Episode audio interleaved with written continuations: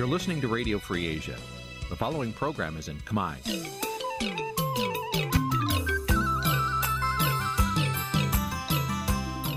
នេះជាកម្មវិធីផ្សាយ Vuthu Azizi Serai នេះជាកម្មវិធីផ្សាយរបស់ Vuthu Azizi Serai ជាភាសាខ្មែរ Vuthu Azizi Serai សូមស្វាគមន៍លោកអ្នកនាងទាំងអស់ពីរដ្ឋធានី Washington នៃសហរដ្ឋអាមេរិក បាទពីរដ្ឋធានី Washington សហរដ្ឋអាមេរិកខ្ញុំបាទយ៉ងច័ន្ទតារាសូមជម្រាបសួរលោកអ្នកនាងអ្នកស្ដាប់ Vuthu Azizi Serai ទាំងអស់ជាទីមេត្រីយើងខ្ញុំសូមជូនកម្មវិធីផ្សាយសម្រាប់យប់ថ្ងៃអង្គារ7រោចខែចេសឆ្នាំខាលចត្វាស័កពុទ្ធសករាជ2566ដែលត្រូវនឹងថ្ងៃទី21ខែមិថុនាគ្រិស្តសករាជ2022បាទជាដំបូងនេះសូមអញ្ជើញអស់លោកអ្នកនាងស្ដាប់ព័ត៌មានប្រចាំថ្ងៃដែលមានមេត្តាដូចតទៅ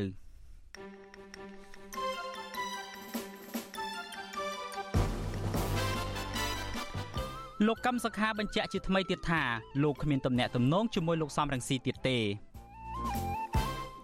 អញ្ញាធរខេត្តកំពង់ធំបានចាប់ខ្លួនមេឃុំជាប់ឆ្នោតគណៈបកភ្លើងទៀនម្នាក់ដោយចោទប្រកាន់ពីបទប្លន់ក្រសួងមហាផ្ទៃអនុញ្ញាតឲ្យមេធាវីទៅជួបកញ្ញាសេធីរី តែមិនចេញលិខិតអនុញ្ញាតនីតិវេទិកាអ្នកស្ដាប់វិទ្យុអាស៊ីសេរីនៅយប់នេះយើងនឹងពិភាក្សាជុំវិញប្រធានបទ ថាតើការបង្ក្រាបដោយហិង្សាលើពលរដ្ឋជាការអនុវត្តច្បាប់ឬមួយក៏យ៉ាងណារួមនឹងព័ត៌មានសំខាន់សំខាន់មួយចំនួនទៀត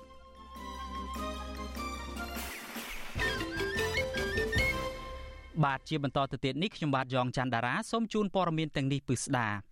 បាទលោកអ្នកនាងជាទីមេត្រីប្រធានគណៈបកសង្គ្រោះជាតិលោកកឹមសុខាបញ្ជាក់ជាថ្មីទៀតថាលោកគ្មានសម្ព័ន្ធភាពជាមួយលោកសំរងស៊ីទៀតទេលោកកឹមសុខា ក៏ឆ្លៀតឌឺដងទៅអតីតមន្ត្រី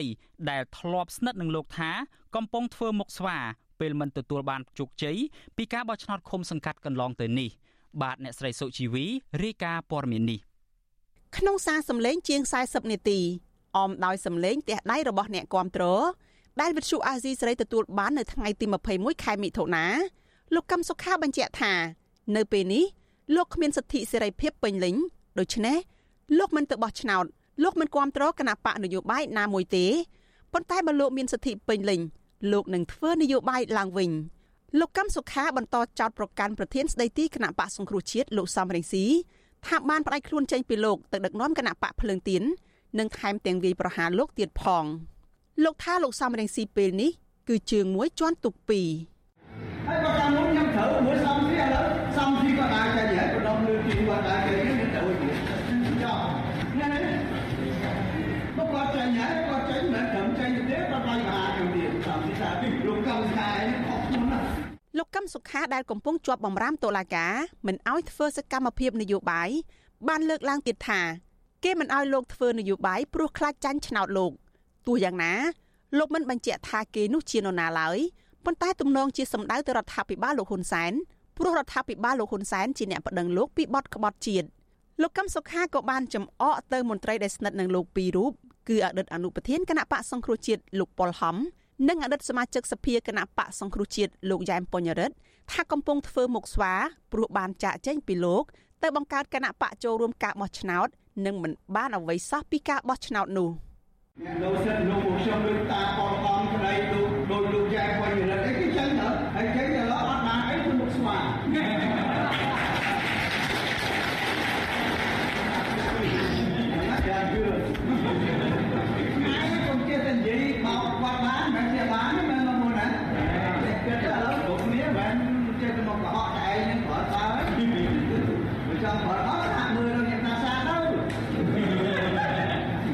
សារសម្លេងលោកកឹមសុខាដែលបែកធ្លាយនេះទំនងជាការថ្លែងរបស់លោកពេលជួបអ្នកគាំទ្ររបស់ខ្លួននៅខេត្តសៀមរាបកាលពីថ្ងៃទី18ខែមិថុនាកន្លងទៅ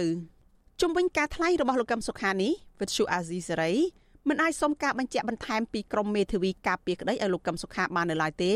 នៅថ្ងៃទី21ខែមិថុនានេះជាលើកទី2ហើយដែលលោកកឹមសុខាថ្លែងពីការផ្ដាច់ខ្លួនពីលោកសំរងស៊ីកាលពីថ្ងៃទី15ខែមិថុនាលោកកឹមសុខា បានប្រាប់តុលាការថាអត់មានសំរងស៊ីកឹមសុខាតែមួយទៀតទេលោកថាលោកសំរងស៊ីបានយកគណៈបកភ្លើងទៀនទៅចូលរួមការបោះឆ្នោតហើយថែមទាំងបានវាយប្រហារលោកទៀតផងមួយថ្ងៃក្រោយមកកូនស្រីរបស់លោកកឹមសុខាកញ្ញាកឹមមនោវិជ្ជាចោទប្រកាន់លោកសំរងស៊ីថាខ្វះសច្ចភាពខ្វះការទទួលខុសត្រូវមើលងាយអ្នកគាំទ្រខ្លួន និងដើរចេញពីលោកកឹមសុខាមុនដោយភាពឈ្នានីសនិងគិតខ្លី ចំណែកមនុស្សស្និទ្ធនឹងលោកកឹមសុខាអតីតសមាជិកគណៈបកសង្គ្រោះជាតិលោកសួនរីដាដែលកំពុងរស់នៅប្រទេសអូស្ត្រាលី បានបង្ហោះសារលើ Facebook កាលពីថ្ងៃទី17ខែមិថុនាថាលោកគាំទ្រការប្រកាសរបស់លោកកឹមសុខាពីការបដិខ្លួនចេញពីលោកសំរងស៊ីទោះជាយ៉ាងណាក៏ដោយលោកសំរងស៊ីបានអះអាងប្រាប់វិទ្យុអាស៊ីសេរីថាសម្ព័ន្ធភាពរបស់លោកនិងលោកកឹមសុខាមិនទាន់បាក់បែកផ្លូវការនោះទេ ហើយពួកលោកក៏នៅតែមានគោលដៅរួម គឺការផ្លាស់ប្ដូររបបលោកហ៊ុនសែនជុំវិញការលើកឡើងរបស់លោកកឹមសុខាថាគេមិនអោយលោកធ្វើនយោបាយព្រោះខ្លាចចាញ់ឆ្នោតនោះអ្នកនាំពាក្យគណៈបកប្រជាជនកម្ពុជាលោកសុកអេសានឆ្លើយតបទៅលោកកឹមសុខាវិញថាការមិនផ្ដល់សិទ្ធិឲ្យលោកកឹមសុខាធ្វើនយោបាយជាការសម្រេចរបស់តុលាការលោកយល់ថានេះគ្រាន់តែជាវោហារសាស្ត្រនយោបាយរបស់លោកកឹមសុខាតែប៉ុណ្ណោះតែទោះជាយ៉ាងណាអ្នកនាំពាក្យគណៈបកកណ្ដាលអំណាចរូបនេះ មិនអាចបញ្ជាក់បានទេថាការថ្លែងរបស់លោកកឹមសុខាបែបនេះហួសបន្ទាត់ក្រហមរបស់តុលាការនោះយ៉ាងណាព្រោះលោកថារឿងនេះគឺជាសមត្ថកិច្ចរបស់តុលាការវាជាការគួរអស់សំណើចណាស់ដែលសម័យខ្លួនធ្វើខុសច្បាប់ហើយមិនព្រមទទួលខុសត្រូវចំពោះមុខច្បាប់ហើយបែរជាដាក់កំហុសលើអ្នកដទៃអានឹងវាជាវោហារសាស្ត្រនយោបាយមួយណាដែលវាមិនស្របតាមការពិតជាក់ស្ដែងទេ វិទ្យុអាស៊ីសេរីមិនអាចសុំការបញ្ជាក់បន្ថែមពីប្រធានលេខាធិការដ្ឋានសាលាដំបងរាជធានីភ្នំពេញលោកអ៊ីរ៉ានបានទេ នៅថ្ងៃទី21ខែមិថុនាចំណែកអ្នកខ្លំមើលនយោបាយនិងជាអ្នកសម្របសម្រួលគម្រោងនៃសមាគមបណ្ដាញយុវជនកម្ពុជា CYN លោកម៉ៅច័ន្ទតារាយល់ថានេះជាសេរីភាពបញ្ចេញមតិរបស់លោកកឹមសុខាទោះយ៉ាងណាលោកយល់ថាសម្ដីរបស់លោកកឹមសុខា ជាសារបញ្ឆេះកំហឹងលើអតីតដៃគូនយោបាយ យុវជនរូបនេះនៅតែចង់ឃើញក្រុមអ្នកប្រជាធិបតេយ្យធ្វើការជាមួយគ្នាទើបអាចផ្ដល់ក្តីសង្ឃឹមដល់ពលរដ្ឋក្នុងការធ្វើឲ្យប្រទេសកម្ពុជាធ្វើដំណើរទៅកាន់ផ្លូវប្រជាធិបតេយ្យពិតប្រាកដ គេមើលឃើញពីអីសាររបស់គាត់វាហាក់ដូចជាចូលរួមនៅក្នុងអីការប្រឆេះកម្ដៅបាទអ្នកគ្រប់គ្រងរបស់គាត់ហើយខ្ញុំមើលឃើញថាអីសារដែលយើងធ្វើការប្រឆេះកម្ដៅឬមួយក៏ធ្វើការផ្លែផ្កាឲ្យគ្នាបែបនេះវាមិនចំណេញសម្រាប់អីអ្នកធ្វើនយោបាយនៅក្នុងប្រទេសប្រជាធិបតេយ្យទេទោះបីជាវាអីជាការបញ្ចេញមតិក៏ដោយលោកកឹមសុខាបានបាត់បង់សិទ្ធិធ្វើនយោបាយជិត5ឆ្នាំហើយនិងមិនអាចចេញក្រៅប្រទេសខណៈលោកកំពុងជាប់ចោតពីរដ្ឋាភិបាលក្នុងសំណុំរឿងក្បត់ជាតិ ឬសន្តិទ្ធភាពជាមួយបរទេសសាលាដំបងរាជធានីភ្នំពេញបានជំនុំជម្រះក្តីលោកបានដល់ជុំទី44ហើយនៅថ្ងៃទី22ខែមិថុនាខាងមុខនេះតុលាការគ្រោងនឹងដេញដោលលើអង្គហេតុជាថ្មីទៀតលើសំណុំរឿងរបស់លោកកឹមសុខាអ្នកវិភាគយល់ថាលោកកឹមសុខាអាចនឹងឆាប់បានទទួលសេរីភាពពេញលេញនៅក្រៅពេលលោកប្រកាសផ្ដាច់ខ្លួនចេញពីលោកសំរងស៊ីបែបនេះនាងខ្ញុំសុជីវីវិទ្យុអាស៊ីសេរីពីរដ្ឋធានី Washington បាទលោកអ្នកនាងជាទីមេត្រីតកតងទៅនឹងរឿងនយោបាយនេះដែរអាជ្ញាធរខេត្តកំពង់ធំ បានចាប់ខ្លួនមេឃុំជាប់ឆ្នោតគណៈបកភ្លើងទៀនម្នាក់ដោយចោទប្រកាន់ពីបទប្លន់សាច់ញាតិចាត់ទុកការចោទប្រកាន់និងចាប់ខ្លួននេះថាជារឿងអយុត្តិធម៌និងមិនអាចទទួលយកបានឡើយបាទលោកអ្នកនាងនឹងបានស្ដាប់សេចក្តីរាយការណ៍នេះពឺស្ដាររបស់លោកជុនច័ន្ទបុតនាពេលបន្តិចទៀតនេះ បាទលោកអ្នកនាងជាទីមេត្រីយើងងាកទៅរឿងក្តីក្តាំនៅតុលាការឯណោះវិញមន្ត្រីសមាគមការពារសិទ្ធិមនុស្សអាត6បានដាក់ពាក្យប្តឹងសារទុកទៅកាន់តុលាការកំពូលប្រឆាំងសាលដីកាផ្ដន់ទោសរបស់សាលាឧទ្ធរភ្នំពេញក្នុងសំណុំរឿងសុកប៉ាន់សាក់សីមន្ត្រីសិទ្ធិមនុស្សស្នើឲ្យតុលាការជាន់ខ្ពស់មួយនេះផ្ដល់យុត្តិធម៌និងទម្លាក់ចោលការចោទប្រកាន់ពីព្រោះពួកគាត់បំពេញការងារលើកកម្ពស់សិទ្ធិសេរីភាពរបស់ប្រជាពលរដ្ឋនិងជួយពលរដ្ឋរងគ្រោះស្របតាមវិជ្ជាជីវៈនិងស្របតាមច្បាប់ បាទលោកទីនសាការីយ៉ារាយការណ៍ព័ត៌មាននេះមន្ត្រីសមាគមការពារសិទ្ធិមនុស្សអាត់ហុកលើកឡើងថាក្រោយពីទទួលរងនូវភាពអយុត្តិធម៌ពីសេចក្តីសម្រេចប្រន្ទាទោសរបស់តុលាការជាន់ទាបបន្តបន្ទាប់មកនោះពួកគេបានដាក់ពាក្យប្តឹងសារទុកទៅតុលាការកំពូលបន្តទៀតកាលពីព្រឹកថ្ងៃទី21មិថុនាពួកគាត់រំពឹងថាតុលាការជាន់ខ្ពស់មួយនេះនឹងផ្ដល់សេរីភាពពេញលេញដោយទម្លាក់ចោលការចាប់ប្រកាន់នាពេលខាងមុខមន្ត្រីសមាគមការពារសិទ្ធិមនុស្សអាត់ហុកលោកយីសុកសានថ្លែងថា មូលហេតុដែលលោកដាក់ពាក្យប្តឹងសារទុកនៅពេលនេះដោយសារតែកន្លងមកសេចក្តីសម្រេចប្រន្ទាទោសរបស់តុលាការថ្នាក់ក្រោមវិនិច្ឆ័យដោយពំបានពិចារណាផ្អែកលើអង្គហេតុនិងអង្គច្បាប់ឲ្យបានច្បាស់លាស់នោះទេលោកថាផ្ទុយទៅវិញមន្ត្រីសិទ្ធិមនុស្សដែលបំពេញការងារជួយចុះរងគ្រោះស្របតាមគោលការណ៍សមាគមនិងច្បាប់បែរជារងការលៀបពណ៌និងចាប់ប្រកាន់តាមប្រព័ន្ធតុលាការទាំងអយុធធម៌ទៅវិញលោកយីសុកសានស្នើដល់ក្រុមប្រឹក្សាជំនុំជម្រះតុលាការកំពូលក៏ហៅដើមបណ្ដឹងដើម្បីចូលរួមសវនាការតទល់គ្នា ដោយសារទីសាលាដំបងក៏ដោយសាលាតោលោកមិនបានចាត់វិធានការទៅតាមសំណុំពររបស់ពួកយើងទេដែលលោកវិនិច្ឆ័យខុសវិនិច្ឆ័យមិនបានពិចារណាទៅលើអង្គហេតុអង្គច្បាប់ផុសតាងជាពិសេសសាកសីពីរអ្នកដែលប្រឹងមកលើរូបយើងណាចោតកាន់មកយើងថារឿងចោតបានសាកសីគឺពួកគាត់អត់បានចូលខ្លួនមកតទល់គ្នាចំពោះមុខច្បាប់បណ្ដឹងសារទុកនៅពេលនេះធ្វើឡើងដើម្បីប្រឆាំងនឹងការសម្រេចរបស់ក្រុមប្រឹក្សាជំនុំជម្រះសាឡាវថោភ្នំពេញ លោកសិនវិសាលដែលបានតម្កល់ការផ្ដន់ទោសមន្ត្រីសិទ្ធិមនុស្សនៃសមាគមការពារសិទ្ធិមនុស្សអាត់ហុកលោកនីសុខាលោកយីសុកសានអ្នកស្រីលឹមមនីនិងមន្ត្រីសិទ្ធិមនុស្សម្នាក់ទៀតគឺលោកណៃវងដានិងអគ្គលេខាធិការរងគណៈកម្មាធិការជាតិរៀបចំការបោះឆ្នោតលោកនីចារយាតាមសារក្រមសាលាដំបងរាជធានីភ្នំពេញដោយកាត់ទោសឲ្យជាប់ពន្ធនាគារក្នុងម្នាក់ម្នាក់ចំនួន5ឆ្នាំក្រោមបទចោទប្រកាន់សោកប៉ាន់សាក់សីនិងសំគំនិតសោកប៉ាន់សាក់សី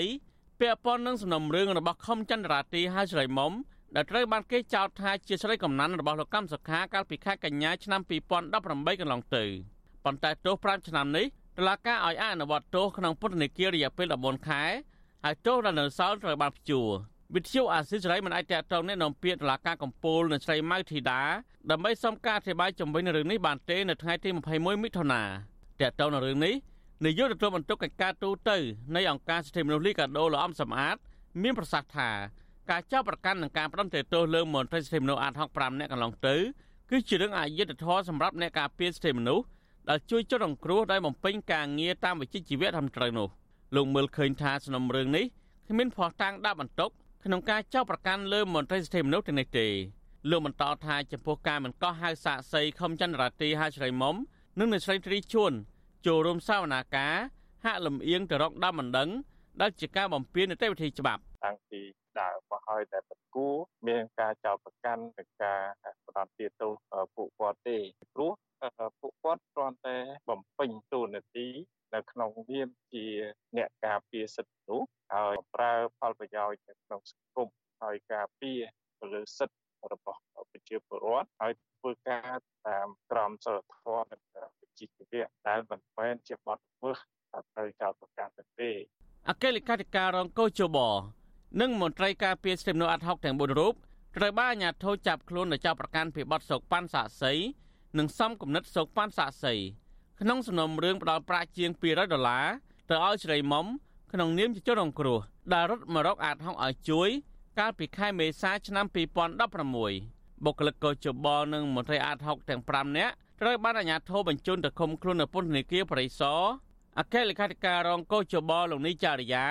និងមន្ត្រីអាតហុកត្រូវបានបញ្ជូនទៅឃុំខ្លួននៅពន្ធនាគារព្រៃសរកាលពីថ្ងៃទី1ខែឧសភាឆ្នាំ2016រហូតដល់មានការដោះលែងឲ្យប្រកាសនៅក្រៅឃុំបណ្ដោះអាសន្នវិញកាលពីថ្ងៃទី29ខែមិថុនាឆ្នាំ2017ខ្ញុំទីនសាការីយ៉ាអសិរ័យប្រធានាធិបតី Washington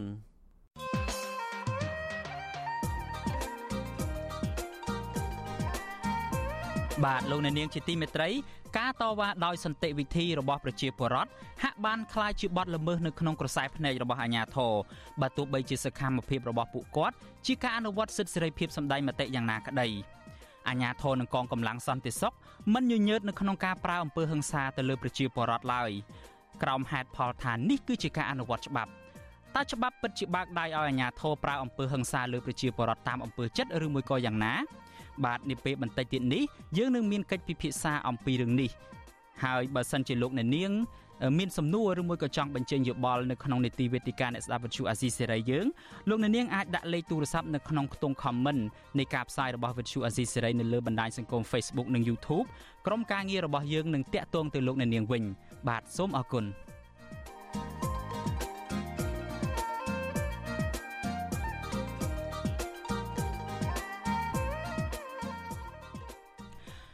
បាទលោកអ្នកនាងជាទីមេត្រីអាជ្ញាធរខេត្តកំពង់ធំបានចាប់ខ្លួនមេឃុំជាប់ឆ្នោតគណៈបកភ្លើងទៀនម្នាក់ពីបទប្លន់សាច់ញាតិចាត់ទុកការចាប់ខ្លួននិងការចោទប្រកាន់នេះថាជារឿងអយុត្តិធម៌មិនអាចទទួលយកបានឡើយបាទលោកជុនច័ន្ទបុតសូមជូនសេចក្តីរាយការណ៍អំពីរឿងនេះមេឃុំចំណាលើជាប់ឆ្នោតគណៈបកភ្លើងទៀនលោកញឹមសរមត្រូវបានសមត្ថកិច្ចចាប់ខ្លួនកំឡុងពេលដែលលោកកំពុងតែបម្រើការងារនៅក្នុងសាលាឃុំចំណាលើ ស្រុកស្ទូងនៅរសៀលថ្ងៃទី21ខែមិថុនានេះប្រពន្ធលោកញឹមសរមលោកស្រីខាត់ខៀងប្រាប់វិទ្យុអាស៊ីសេរីនៅថ្ងៃទី21ខែមិថុនានេះថាការចាប់ខ្លួនប្តីលោកស្រីទាំងកណ្ដាលថ្ងៃកំឡុងពេលធ្វើការងារបម្រើផលប្រយោជន៍ជាតិនេះគឺជារឿងអយុត្តិធម៌ព្រោះប្តីលោកស្រីជាមនុស្សស្អាតស្អំដែលតែងតែស្រឡាញ់យុត្តិធម៌សង្គមដោយមិនបានប្រព្រឹត្តកំហុសដោយការចោទប្រកាន់របស់តុលាការឡើយ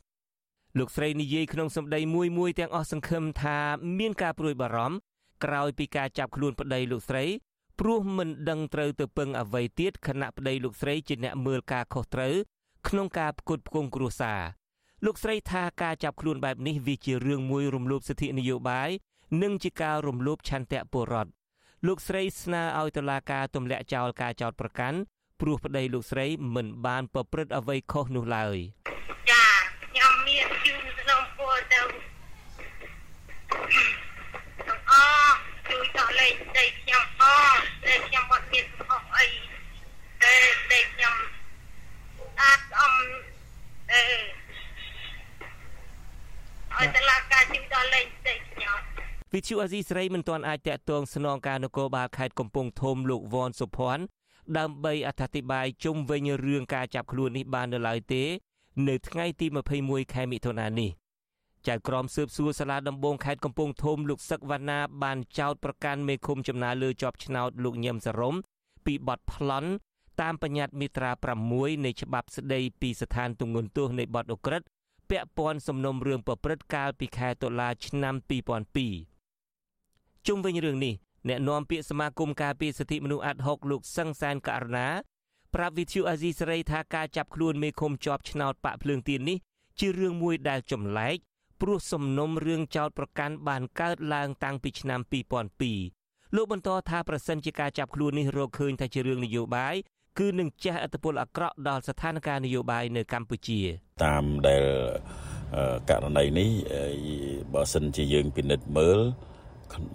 រឿងហ្នឹងវាទៅជារឿងនយោបាយអាហ្នឹងវាជារឿងមួយដែលយើងគិតថាវាប៉ះពាល់នឹងជះឥទ្ធិពលខ្លាំងសម្រាប់ ការប្រកួតប្រជែងផ្នែកនយោបាយហើយវាធ្វើឲ្យមានការគម្រាមកំហែងបំបាក់ស្មារតីទៅដល់បេក្ខជននយោបាយដែរលោកបន្តថាការចាប់ខ្លួននេះធ្វើឲ្យសាធារណជនកាន់តែមានការព្រួយបារម្ភជុំវិញស្ថានភាពនយោបាយនៅកម្ពុជា ថាតើវាជាការអនុវត្តច្បាប់ពិតប្រាកដឬក៏ជាការគំរាមកំហែងផ្នែកនយោបាយដូច្នេះលោកថាអាញាធរពពន់គួរតែពិចារណាឲ្យស៊ីជម្រៅជុំវិញការចាប់ខ្លួនសមាជិកមេឃុំបកនយោបាយមួយនេះ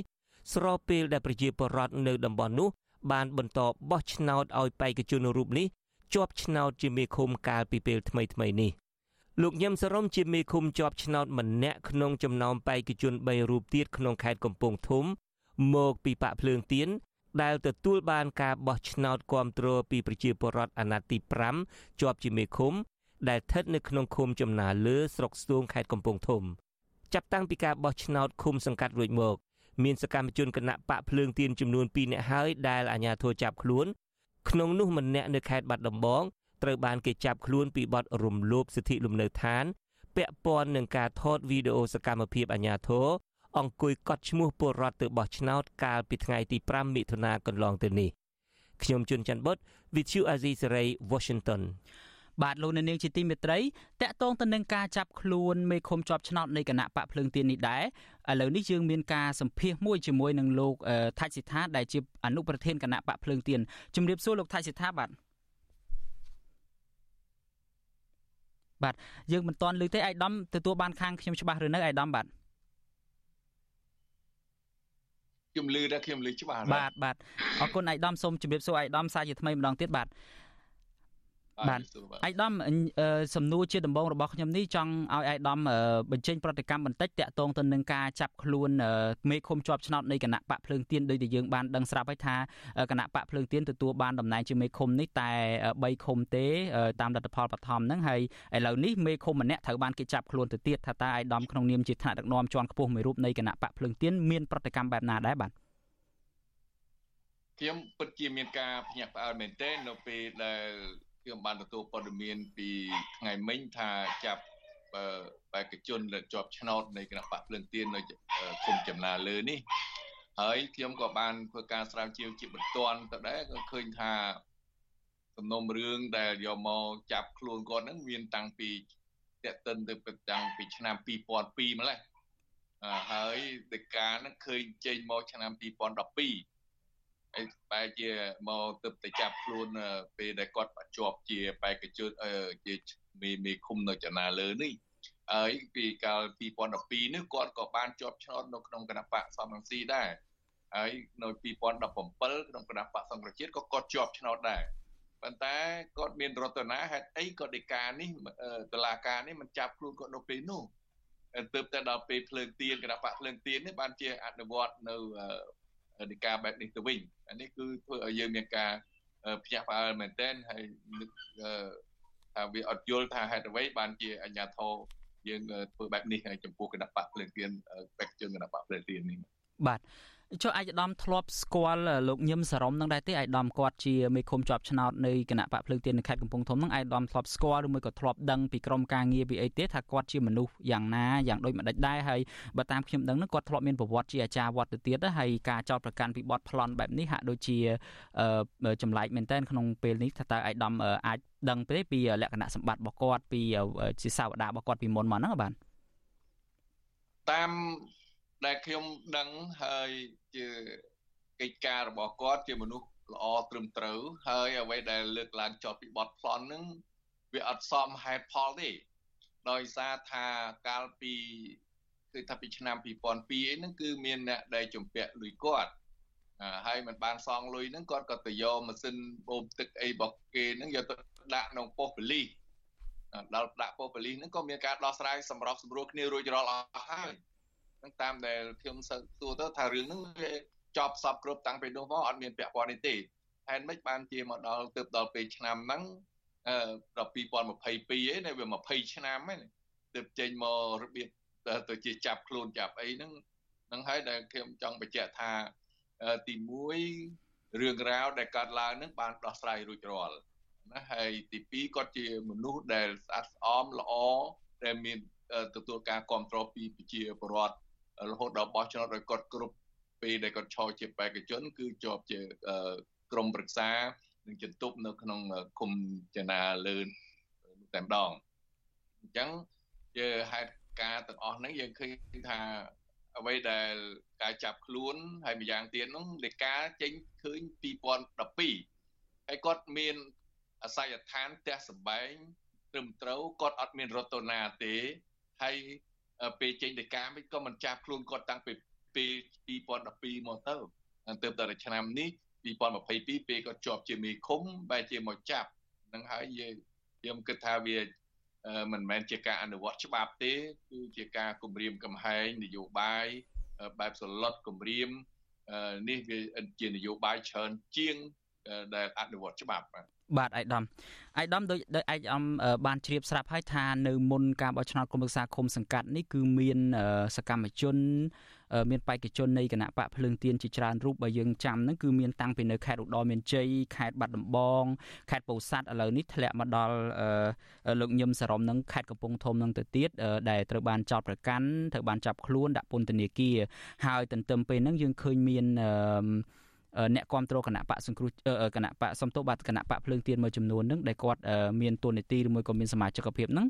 ត្រូវបានគេលុបឈ្មោះចេញពីក្របខ័ណ្ឌទៅទៀតក្របខ័ណ្ឌមន្ត្រីរាជការទៅទៀតតើឯកឧត្តមវិយតម្លៃយ៉ាងម៉េចចំពោះករណីទាំងអស់នេះបាទទាំងអស់នេះយើងបង្ហាញច្បាស់ហើយថានៅកម្ពុជាយើងមិនមែនជាការអនុវត្តគោលការណ៍ប្រជាធិបតេយ្យនិងការគោរពសិទ្ធិរបស់ប្រជាពលរដ្ឋដូចមានចែងនៅក្នុងរដ្ឋធម្មនុញ្ញទេហើយអ្វីដែល អ្នកដឹកនាំនិយាយលើកឡើងរួមទាំងកោជបគ្រាន់តែអឺនិយាយឲ្យល្អស្ដាប់ប៉ុណ្ណឹងទេព្រោះបើសិនជាការគោរពជាក់ស្ដែងគោរពសិទ្ធិជាបរដ្ឋជាក់ស្ដែងមែនទេនឹងมันត្រូវមានការចាប់ខ្លួនអឺបែបនេះទេដូចជាលោកដែលលើកឡើង តាំងពីកាលមុនបោះឆ្នោតយុទ្ធនាការឃោសនាបោះឆ្នោតរៀបបេក្ខជន ហើយគ្រាន់តែទៅរៀបបេក្ខជនអីចោះឡើងរឿងក្នុងការកិច្ចការបោះឆ្នោតទៅចាប់គ្នាដាក់ពន្ធនាគារដែរពេលបោះឆ្នោតគ្រាន់តែដើម្បីយកប្រមូលជាផុសតាងដើម្បីមកយើងប្តឹងផ្ដាល់អីទៅមកកោជបក៏ចាប់ខ្លួនសកម្មជនយើងដែរឥឡូវមកដល់ពេលនេះរឿង20ឆ្នាំហើយមកចាប់កម្មជនយើងទៀតដូច្នេះហើយបាទខ្ញុំឃើញថា អឺទង្វើនេះគឺយើងមិនអាចទទួលយកបានទេថែមទៅលើនោះទៀតគឺមានលេងចេញពីក្របខ័ណ្ឌដូចជាលោកកែមនីកុសលនៅខាងបៃលិននោះគាត់មិនទាន់ចូលភ្លើងទៀនទេគេដេញចេញហើយដោយសារថាចោតរឿងតកតនឹងបពប្រឆាំងភ្លើងទៀនហើយឥឡូវនេះថ្មីនេះថ្ងៃនេះដែរគេបានឃើញក្រសួងសុខាភិបាលហ្នឹងគឺចេញលិខិតលុបឈ្មោះលោកកែវសុមនី ដែលជាមន្ត្រីនៅក្រសួងសុខាភិបាលហ្នឹងចេញពីក្របខ័ណ្ឌដែរដោយសារតែគាត់បានមកឈរជាបេក្ខជនលេខរៀងទី1នៅក្នុងខណ្ឌច្បារពោទី1ហើយបែបបតទាំងអស់ហ្នឹងគាត់បានរៀបចំត្រឹមត្រូវតាមច្បាប់តែឥឡូវឃើញបែរជាលិខិតហ្នឹងមកលុបឈ្មោះគាត់ចេញពីក្របខ័ណ្ឌនេះជាការសោកស្ដាយមួយយ៉ាងខ្លាំងដែល យើងឃើញថាហាក់ដូចជាពុំមានបានគោរពច្បាប់ទម្លាប់អីត្រឹមត្រូវតទៅសោះបាទបាទអាយដាមបាទអាយដាមសំណួរជាចុងក្រោយមួយទៀតទេ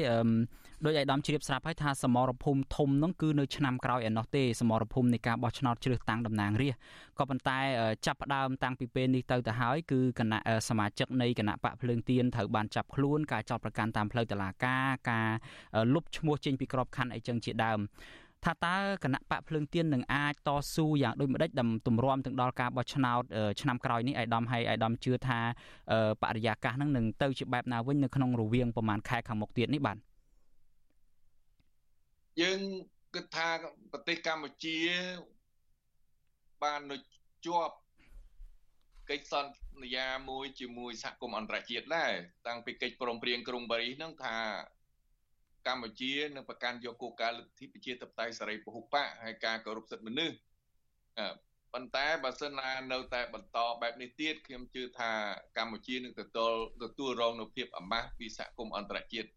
គេនឹងស្គាល់ទោសហើយពីព្រោះគេកំពុងតែតាមខ្លំមើលយ៉ាងដិតដល់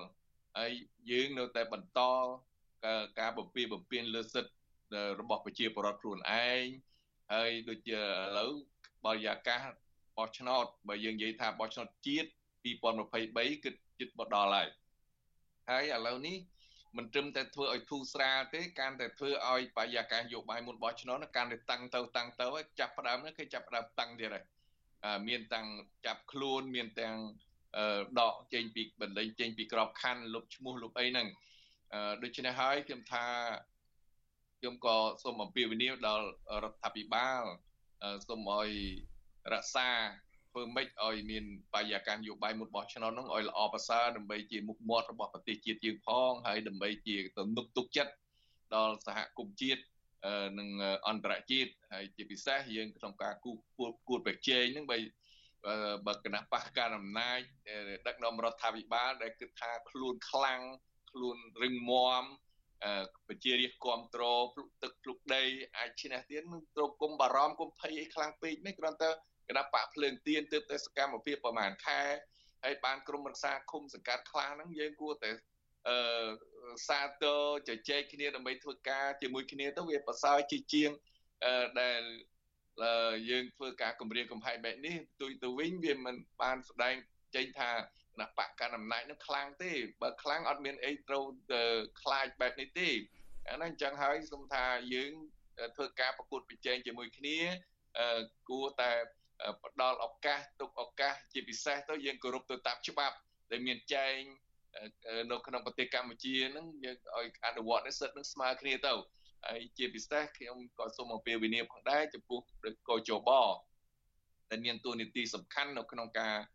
រៀបចំនៅការបោះឆ្នោតដែលធានាឲ្យការបោះឆ្នោតនេះប្រព្រឹត្តទៅដោយសេរីយុត្តិធម៌នេះគឺមានតួនាទីសំខាន់ណាស់ហើយបើសិនណាការបោះឆ្នោតមួយដែលมันអាចធានាបាន ទៅដោយសេរីយុត្តិធម៌ទេនឹងត្រូវមានការកកស្ទោសថែមទៀតផងហើយជាពិសេសខ្ញុំបានឮទៅថាសហគមន៍អឺរ៉ុបនេះគេបានពមៀនហើយថាបើកម្កម្ពុជានេះបោះឆ្នោតមិនបានប្រព្រឹត្តទៅដោយសេរីយុត្តិធម៌ត្រឹមត្រូវទេ EBA អឺដែលនាំទៅតំណែងទៅអឺរ៉ុបហ្នឹងគេនឹងកាត់ផ្ដាច់100%កន្លងមកពេលដែលរំលាយសង្គ្រោះជាតិគេផ្ដាច់20%ហើយដែលជាការពមៀនមួយ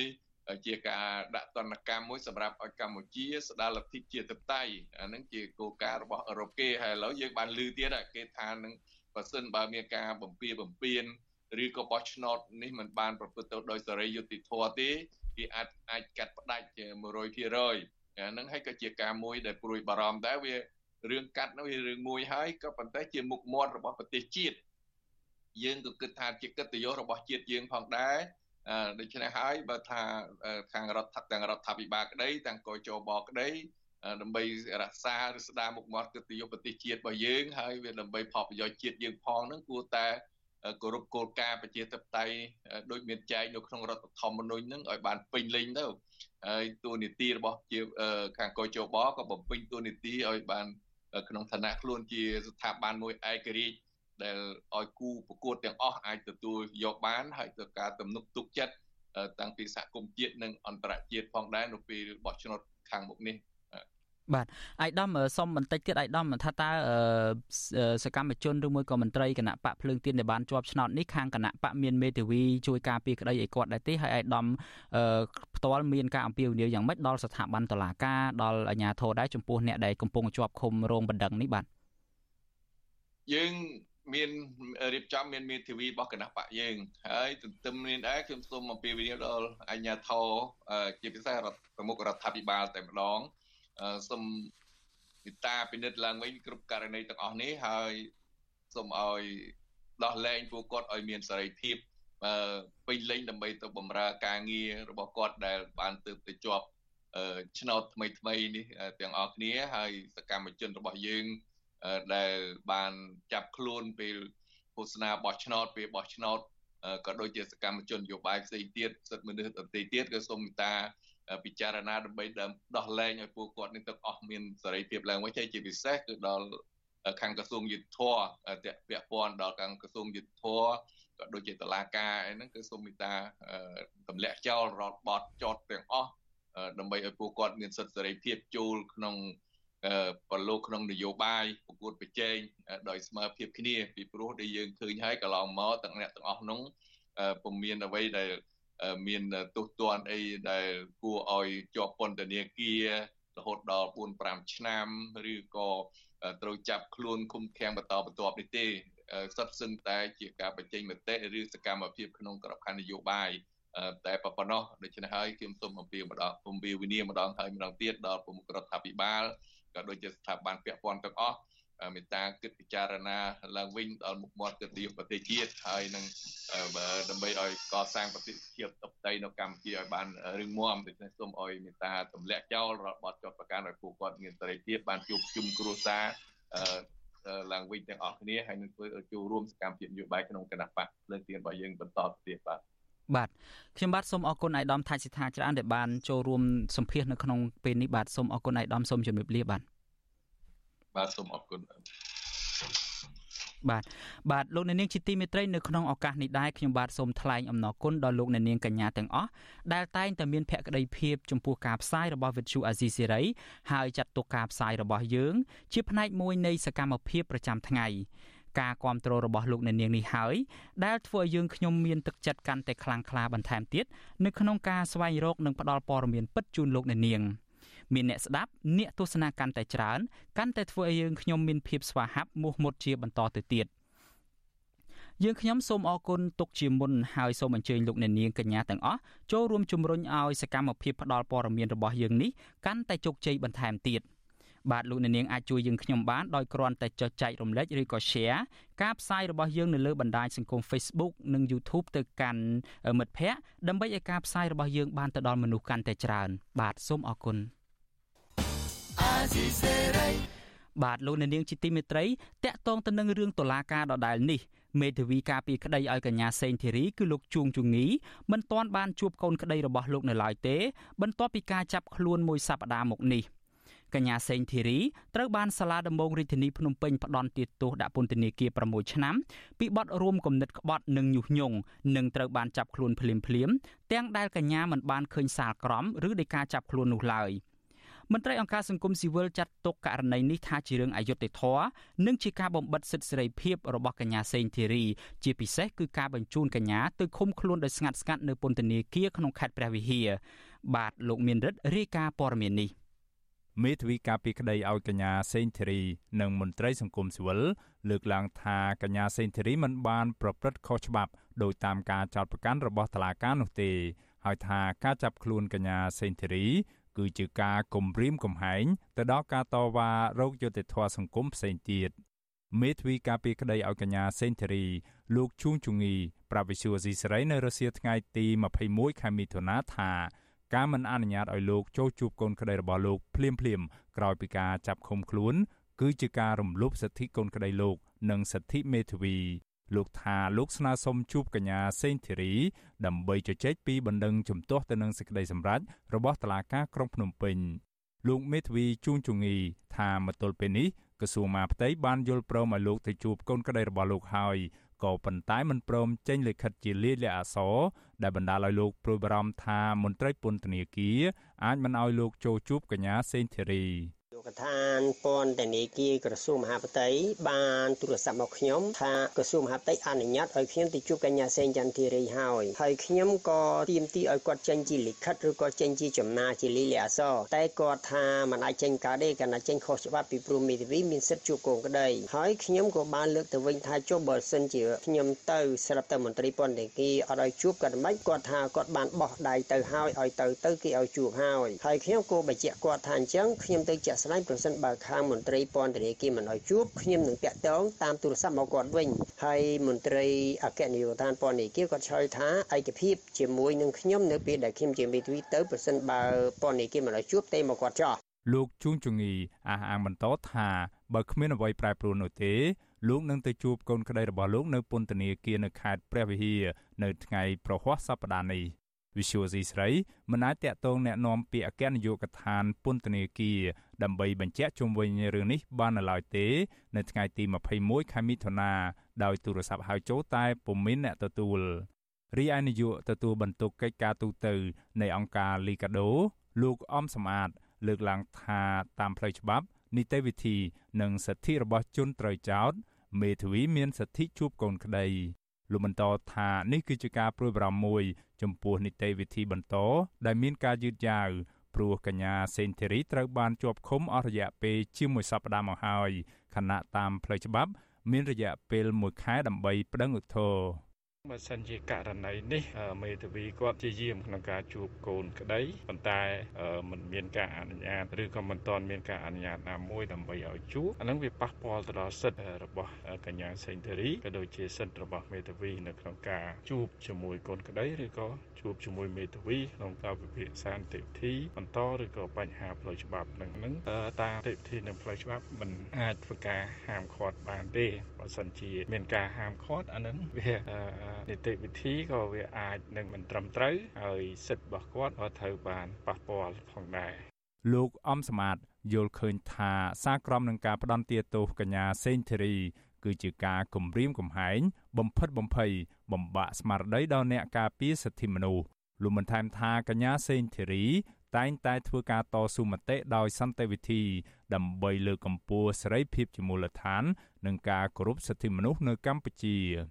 កាលពីថ្ងៃទី14ខែមិថុនាកញ្ញាសេងធីរីត្រូវបានតុលាការក្រុងភ្នំពេញផ្តន្ទាទោសដាក់ពន្ធនាគាររយៈពេល6ឆ្នាំពីបទរួមគំនិតក្បត់និងបទញុះញង់នៅក្នុងសំណុំរឿងវិលចូលស្រុកវិញរបស់លោកសំរងស៊ីកាលពីឆ្នាំ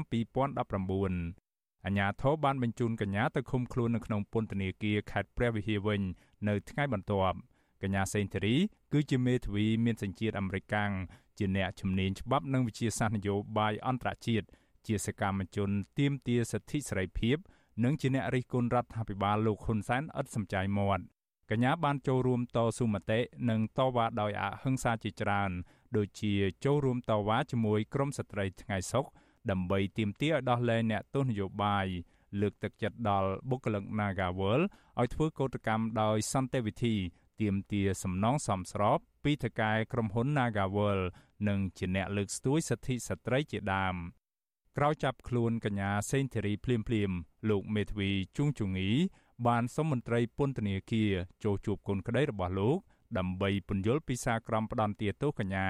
ក៏ប៉ុន្តែត្រូវបានមន្ត្រីពន្ធនាគារបដិសេធទោះយ៉ាងណាក្រុមអ្នកវិភាគអង្គការសង្គមស៊ីវិលជាតិនិងអន្តរជាតិផ្នែកសិទ្ធិមនុស្សនិងសហរដ្ឋអាមេរិក ចាត់ទុកការចាប់ឃុំខ្លួនកញ្ញាសេងធីរី ថាជារឿងនយោបាយនិងអយុត្តិធម៌ហើយទាមទារឲ្យតុលាការកម្ពុជាទម្លាក់ចោលការចាត់បង្កាន់និងដោះលែងកញ្ញាសេងធីរីឲ្យមានសេរីភាពឡើងវិញខ្ញុំបាទមេរិត Visual C ស្រីរាយការណ៍ពីរដ្ឋធានី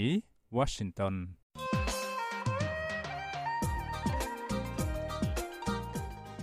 បាទលោកនាងជាទីមេត្រី ការតវ៉ាដោយសន្តិវិធីរបស់ប្រជាពលរដ្ឋ ហាក់បានคล้ายជាបទល្មើសនៅក្នុងក្រសែភ្នែករបស់អាជ្ញាធរបើទោះបីជាសកម្មភាពទាំងនោះគឺជាការអនុវត្តសិទ្ធិសម្ដែងមតិនិងការជួបប្រជុំដោយសន្តិវិធីយ៉ាងណាក្តី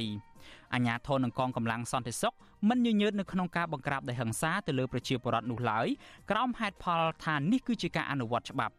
តើច្បាប់ពិតជាបើកដៃឲ្យអាជ្ញាធរប្រើអំពើហិង្សាពលរដ្ឋលើពលរដ្ឋតាមអំពើចិត្តឬមួយក៏យ៉ាងណា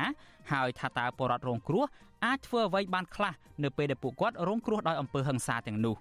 បាទសំលោកអ្នកនាងរងចាំស្ដាប់នីតិវិទ្យាអ្នកស្ដាប់វិទ្យុអាស៊ីសេរីនៅក្នុងការផ្សាយរបស់យើងនាពេលបន្តិចទៀតនេះ ប្រសិនបើលោកអ្នកនាងមានសំណួរឬមួយក៏ចង់ចូលរួមបញ្ចេញយោបល់លោកអ្នកនាងអាចដាក់លេខទូរស័ព្ទរបស់លោកអ្នកនាងនៅក្នុងខ្ទង់ comment Facebook ឬ YouTube របស់ Vithu Azizi Siri ក្រុមការងាររបស់យើងនឹងតាក់ទងទៅលោកអ្នកនាងវិញបាទសូមអរគុណ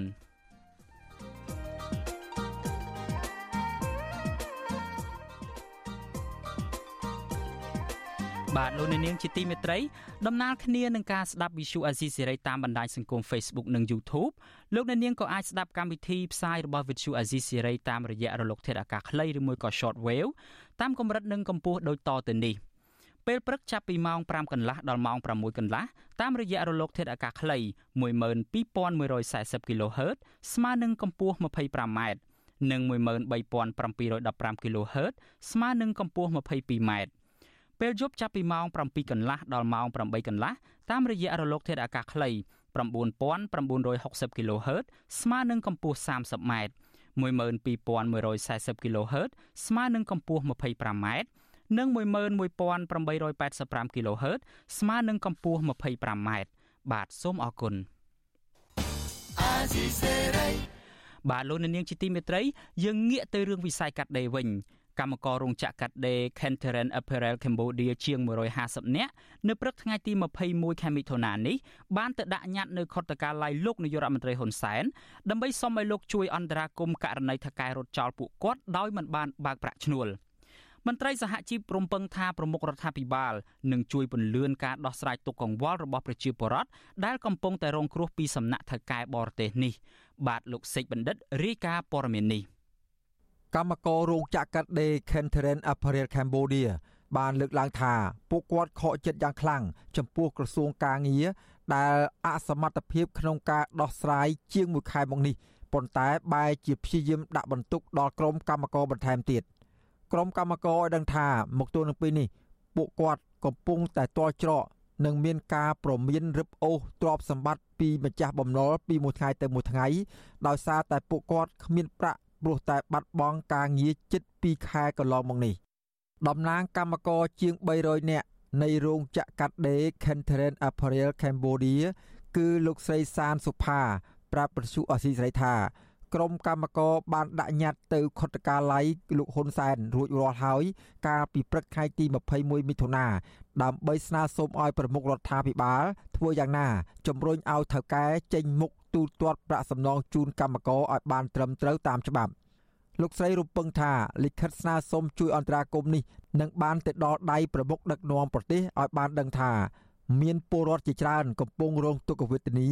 និងមានជីវភាពដុនដាបខ្លាំង ក្នុងការដេកចាំរកដំណោះស្រាយតាមដងផ្លូវអស់រយៈពេលជាង1ខែកន្លងមកនេះចង់និយាយថាកម្មករជីវភាពគាត់វេទនាមែនតើម៉ោងនេះពួកយើងបន្តនៅដេកមុខអង្ចាក់ដោយសារផ្ទះជួលខ្លះយើងអត់មានលុយឲ្យគាត់កម្មករខ្លះក៏គាត់ដាច់ចិត្តត្រូវរើអីវ៉ាន់មកទៅដេកក្រោមតង់ហាលភ្លៀងហាលក្តៅមុខអង្ចាក់អ្នកខ្លះទៅពាក់ធនាគារខ្លះកូនខ្ចីហើយណាមួយយើងត្រូវរើប្រាក់កម្រៃទៅចិញ្ចឹមគ្រួសារអញ្ចឹងខ្ញុំដេកយើងអង្ចាក់នឹងវាចិត្ត2ខែអញ្ចឹងខ្ញុំសង្ឃឹមថាយ៉ាងមុតមាំខាងឧតកាល័យឬមួយក្រសួងការងារជួយអន្តរាគមន៍រឿងពួកខ្ញុំទង្វើរបស់តកែដូចវាអត់មានការព្រឺព្រួយភ័យខ្លាចទេថាគាត់មានខ្នងប៉ុណ្ណាបងឯកឬមួយមានទីប្រឹក្សាណាមកទង្វើរបស់តកែដូចអត់មានខ្លាចទេផងកាលពីចុងខែមេសាភាគីនយោជកនៃរោងចក្រ Kenteran Apparel Cambodia ប្រមាណជាង10នាក់បានលាឈប់ពីការងារ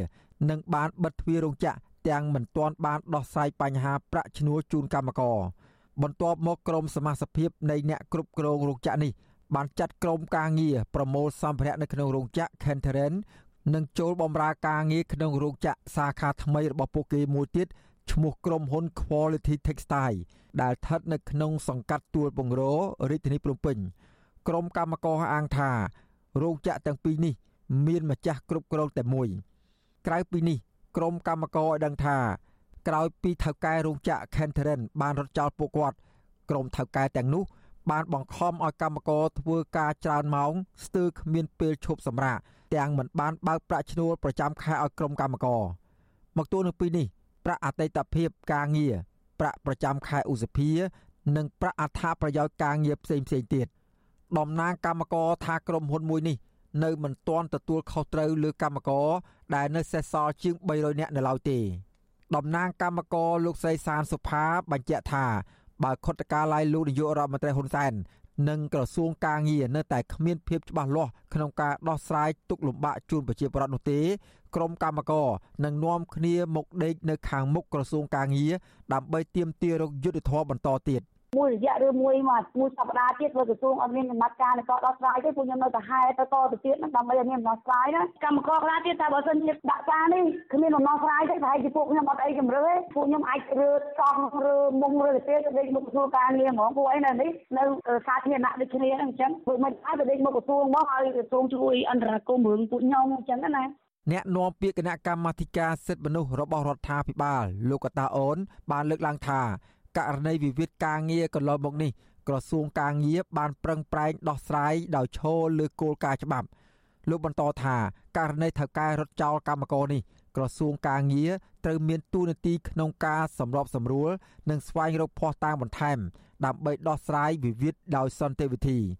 ទោះយ៉ាងនេះក្តីលោកថា ក្រសួងការងារមិនមានអំណាចពេញលេញដោយស្ថាប័នតុលាការដើម្បីកោះហៅភាគីថៅកែមកចរចា ក្នុងករណីដែលភាគីក្រុមហ៊ុនមិនព្រមចូលខ្លួនមកបំភ្លឺនោះ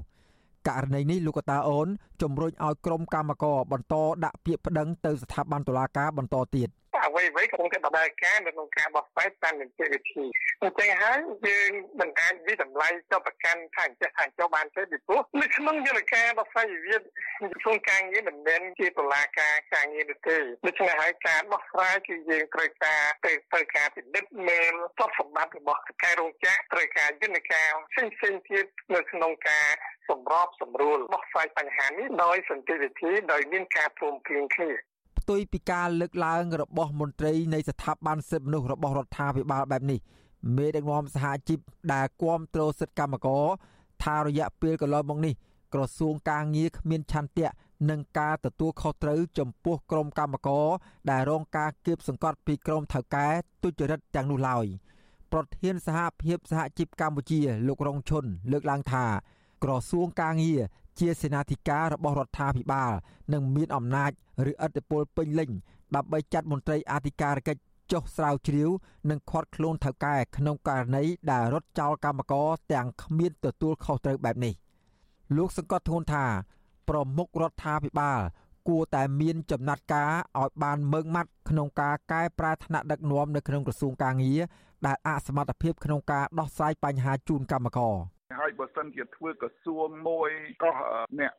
វិនិយោគមិនមកប្រជុំនឹងក្រសួងយើងអន់អន់ដល់ថ្នាក់ប បត់អានឹងអន់មែនតើហើយក្រសួងមានន័យថាក្រសួងយកលុយពីគេទេបានវាអត់មានអធិបុលហើយត្រីក្រសួងការងារក៏ដូចជារដ្ឋមន្ត្រីក្រសួងការងារបើអសកម្មបែបហ្នឹងគួរមានវិធានការឲ្យមិនត្រូវឲ្យអ្នកដឹកនាំក្រសួងការងារបន្តទៀតទេដែលធ្វើឲ្យកម្មករទទួលរងទុក្ខវេទនាទឹកភ្នែកជាប់តែរហូតហើយគ្មានរកដំណោះស្រាយអីហើយចេះតែឆ្លើយដោះសារមេដឹកនាំសហជីពរូបនេះបន្ថែមថា បញ្ហារបស់ក្រមកម្មករនៅតែជួបបញ្ហាច្រើន គឺដោយសារតែក្រសួងការងារមិនអើពើក្នុងការដោះស្រាយឲ្យបានត្រឹមត្រូវតាមច្បាប់និងតែងតែព្យាយាមដាក់បន្ទុកផ្សេងផ្សេងក្នុងពេលដែលកម្មករស្វែងរកកិច្ចអន្តរាគមន៍លោកមើលឃើញថាក្រសួងការងារហាក់បណ្ដោយខ្លួនឲ្យស្ថិតនៅក្រោមអធិបុលថៅកែបរទេសដោយសារតែមន្ត្រីក្រសួងការងារមួយចំនួន មានជាប់ពាក់ព័ន្ធនឹងអំពើពុករលួយជាប្រព័ន្ធខ្ញុំបាទសេកបណ្ឌិត វិទ្យុអាស៊ីសេរីពីរដ្ឋធានីវ៉ាស៊ីនតោនបាទលោកអ្នកនាងជាទីមេត្រីតកតងទៅនឹងរឿងបរិស្ថានវិញក្រុមអ្នកវិទ្យាសាស្ត្រអន្តរជាតិសហការជាមួយគម្រោងអច្ឆរិយភាពនៃទន្លេមេគង្គរបស់ភ្នាក់ងារជំនួយសហរដ្ឋអាមេរិក USAID បានរកឃើញត្រីបបែលយក្សទឹកសាបធំជាងគេនៅលើពិភពលោកនៅជិតកោះដាច់ស្រយាលមួយកន្លែងនៅក្នុងទន្លេមេគង្គស្ថិតនៅភាគខាងត្បូងក្រុងស្ទឹងត្រែងពួកគេដាក់ឈ្មោះត្រីបបែលយក្សនេះថាបូរមី ដោយសារត្រីនេះត្រូវបានគេលែងចូលក្នុងទន្លេមេគង្គវិញនៅចំថ្ងៃពេញបូរមីការរកឃើញនេះធ្វើឲ្យកម្ពុជាបំបីកំណត់ត្រាពិភពលោកដែលមានត្រីបបែលយក្សទឹកសាបធំជាងគេបង្អស់ត្រីបបែលយក្សទឹកសាបនេះមានទម្ងន់300គីឡូក្រាមប្រវែងជិត4ម៉ែត្រវាស់ចាប់ពីចុងច្រមុះដល់កន្ទុយ ទំព័រ Facebook របស់គម្រោងអច្ឆរិយភាពនៃទន្លេមេគង្គផ្សាយនៅថ្ងៃទី21ខែមិថុនាឲ្យដឹងថាត្រីបបែលយក្សទឹកសាបនេះដំបូងឡើយត្រូវបានអ្នកនេសាទនៅកម្ពុជាចាប់បាន ដោយសន្ទូចនៅតំបន់ជនបទនៃទន្លេមេគង្គកាលពីថ្ងៃទី13ខែមិថុនាពួកគេបានតាក់ទងទៅក្រុមការងារនៃគម្រោងអច្ឆរិយភាពនៃទន្លេមេគង្គដើម្បីបំពាក់ឧបករណ៍ទទួលសញ្ញាសូរស័ព្ទ លើត្រីបបែលយក្សទឹកសាបនេះរួចបានលែងវាចូលក្នុងទន្លេមេគង្គវិញនៅថ្ងៃបន្ទាប់ដោយជោគជ័យ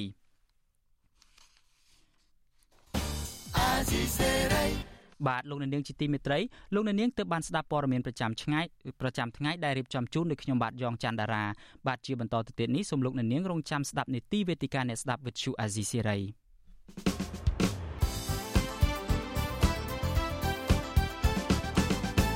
បាទលោកអ្នកនាងជាទីមេត្រីនេះជាវេទិកាអ្នកស្ដាប់វិទ្យុអាស៊ីសេរី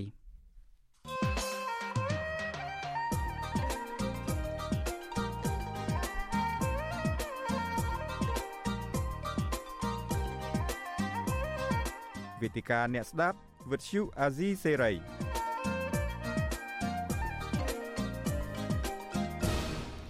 បាទលោកអ្នកនាងស្ដាប់ជាទីមេត្រី ការតវ៉ាដោយសន្តិវិធីរបស់ប្រជាពលរដ្ឋហាក់បានคล้ายជាបទល្មើសនៅក្នុងក្រសែភ្នែករបស់អាជ្ញាធរបើទោះបីជាសកម្មភាពទាំងនោះគឺជាការអនុវត្តសិទ្ធិសេរីភាពសម្ដែងមតិនិងការជួបប្រជុំដោយសន្តិវិធីយ៉ាងណាក្តីអាជ្ញាធរនិងកងកម្លាំងសន្តិសុខមិនញញើតនៅក្នុងការប្រើហិង្សាវាយដំអ្នកតវ៉ាដោយសន្តិវិធីទាំងនោះឡើយក្រោមហេតុផលថានេះគឺជាការអនុវត្តច្បាប់តើច្បាប់ពិតជាបើកដៃឲ្យអាជ្ញាធរប្រើហិង្សាវាយដំលើពលរដ្ឋតាមតែអំពើចិត្តឬមួយក៏យ៉ាងណា តើប្រជាពលរដ្ឋដែលរងគ្រោះអាចធ្វើអ្វីបានខ្លះដើម្បីស្វែងរកយុត្តិធម៌នៅក្នុងករណីទាំងនេះបាទជាបន្តទៅទៀតនេះយើងនឹងមានអ្នកចូលរួមជាពិសេសគឺភ្ញៀវកិត្តិយសយើងចំនួន3រូបទី1គឺមានលោកនីសុខាលោកនីសុខាគឺជាប្រធានសមាគមការពារសិទ្ធិមនុស្សអាត់ហុក ហើយទី2គឺលោកស្រីសេងចន្ទថនលោកស្រីសេងចន្ទថនគឺជាប្រពន្ធរបស់លោកគ្រូសុនថុនដែលជាសកម្មជននយោបាយរបស់គណៈបកប្រឆាំងនៅខេត្តកំពង់ធំហើយទី3គឺកញ្ញារឿនមុំម៉ារីណាតគឺជាកោតក្រនៃក្រុមហ៊ុន Casino NagaWorld បាទខ្ញុំបាទសូមជម្រាបសួរភ្ញៀវទាំង3បាទចា៎ជំរាបសួរបងបាទបាទបាទយើងលើទាំងអស់គ្នាពីភ្ញៀវចូលរួមរបស់យើងទាំង3នាក់ អញ្ចឹងទេជាដំបូងនេះខ្ញុំចង់ជម្រាបសួរទៅលោកស្រីសេងចន្ទថនមុនបាទ លោកស្រីសេងចន្ទថនដោយសារតែស្វាមីរបស់លោកស្រីគឺលោកគ្រូសុនធននឹងត្រូវបានតឡាការទើបតែផ្ដន់ទោសដាក់ពន្ធនាគារកាលពីពេលថ្មីថ្មីនេះទេហើយជាប់ចោទពីបទរួមគំនិតក្បត់ទៅទៀតហើយលោកស្រីខ្លួនឯងក៏ធ្លាប់បានចេញតវ៉ាចុះផ្លូវដើម្បីទាមទារយុត្តិធម៌សម្រាប់ប្តីលោកស្រីដែរថាតើជាដំបូងនេះខ្ញុំចង់ឲ្យលោកស្រីចាប់អារម្មណ៍ឬមួយក៏មានប្រតិកម្មបន្តិចអំពីសាលក្រមទៅលើប្តីលោកស្រីកាលពីប្រហែលថ្ងៃមុនហ្នឹងបាទ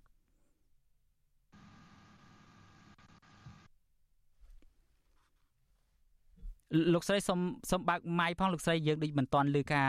សូរសាប់របស់លោកស្រីទេបាទ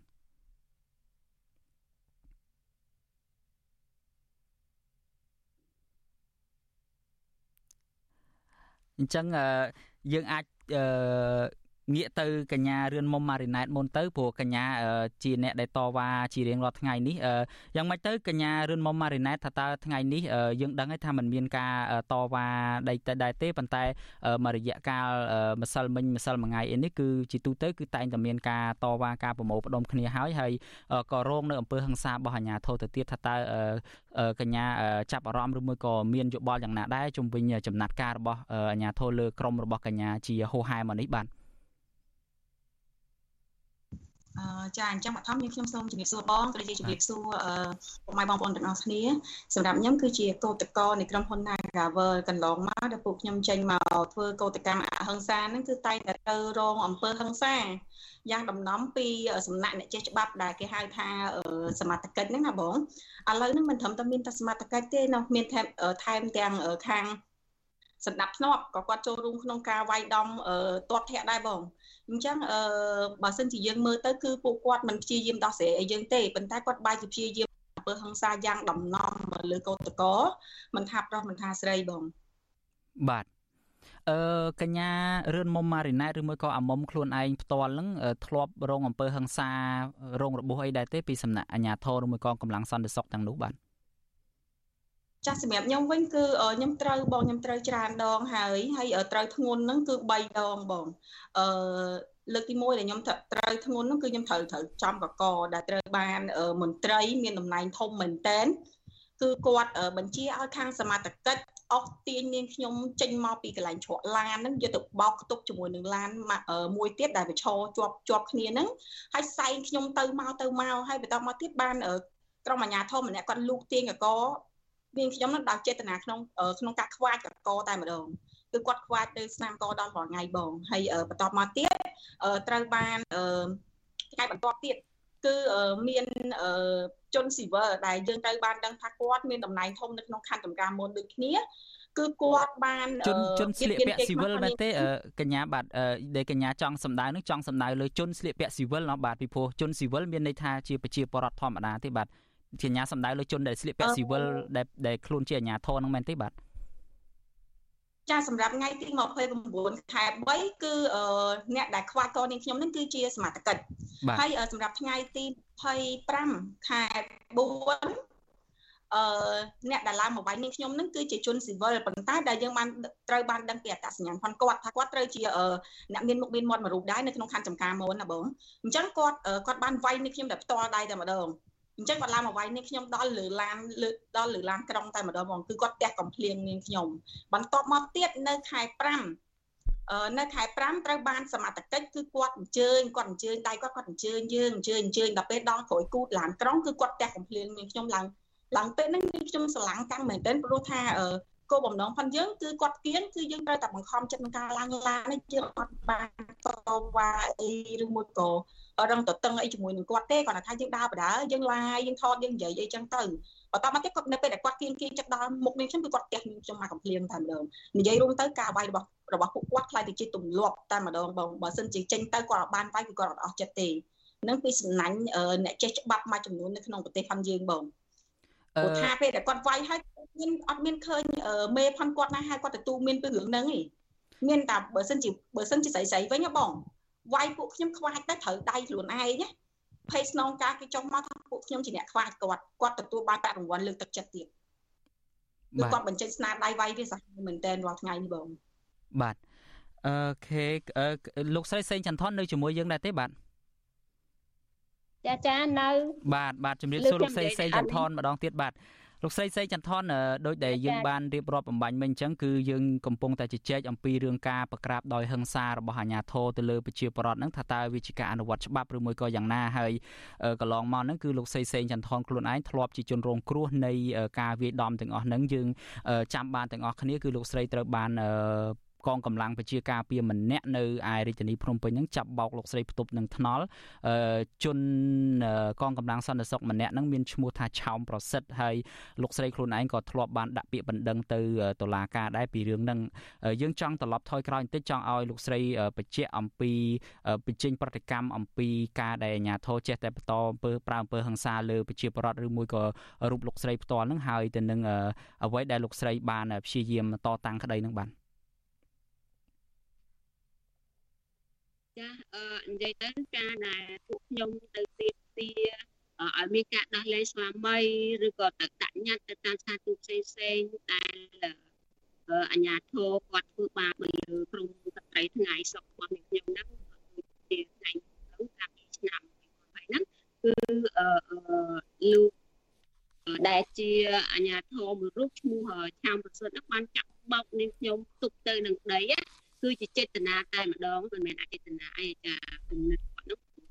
បោកធ្វើឲ្យយើងនឹងមានគ្រោះថ្នាក់ដល់ធ្ងន់ធ្ងរឬក៏ដល់បាត់បង់ជីវិតតែម្ដងចាអញ្ចឹងនេះគឺជារឿងមួយដែលឲ្យពួកខ្ញុំមានការឈឺចាប់កាន់តែខ្លាំងឡើងហើយជាពិសេសគឺខ្ញុំផ្ទាល់ដែលចាប់ស្វាមីរបស់នាងខ្ញុំទាំងគ្មានកំហុសគឺដាក់ពន្ធនាគារហើយ លោកស្រីសូមខ្ញុំខ្ញុំបាទសូមសូមអធិស្ឋានសូមកាត់លោកស្រីបន្តិចខ្ញុំគ្រាន់តែចង់ជម្រាបលាលោកអ្នកនាងដែលកំពុងតាមដានស្ដាប់ការផ្សាយរបស់យើងតាមរយៈលោកធារកាខ្លីឬ short wave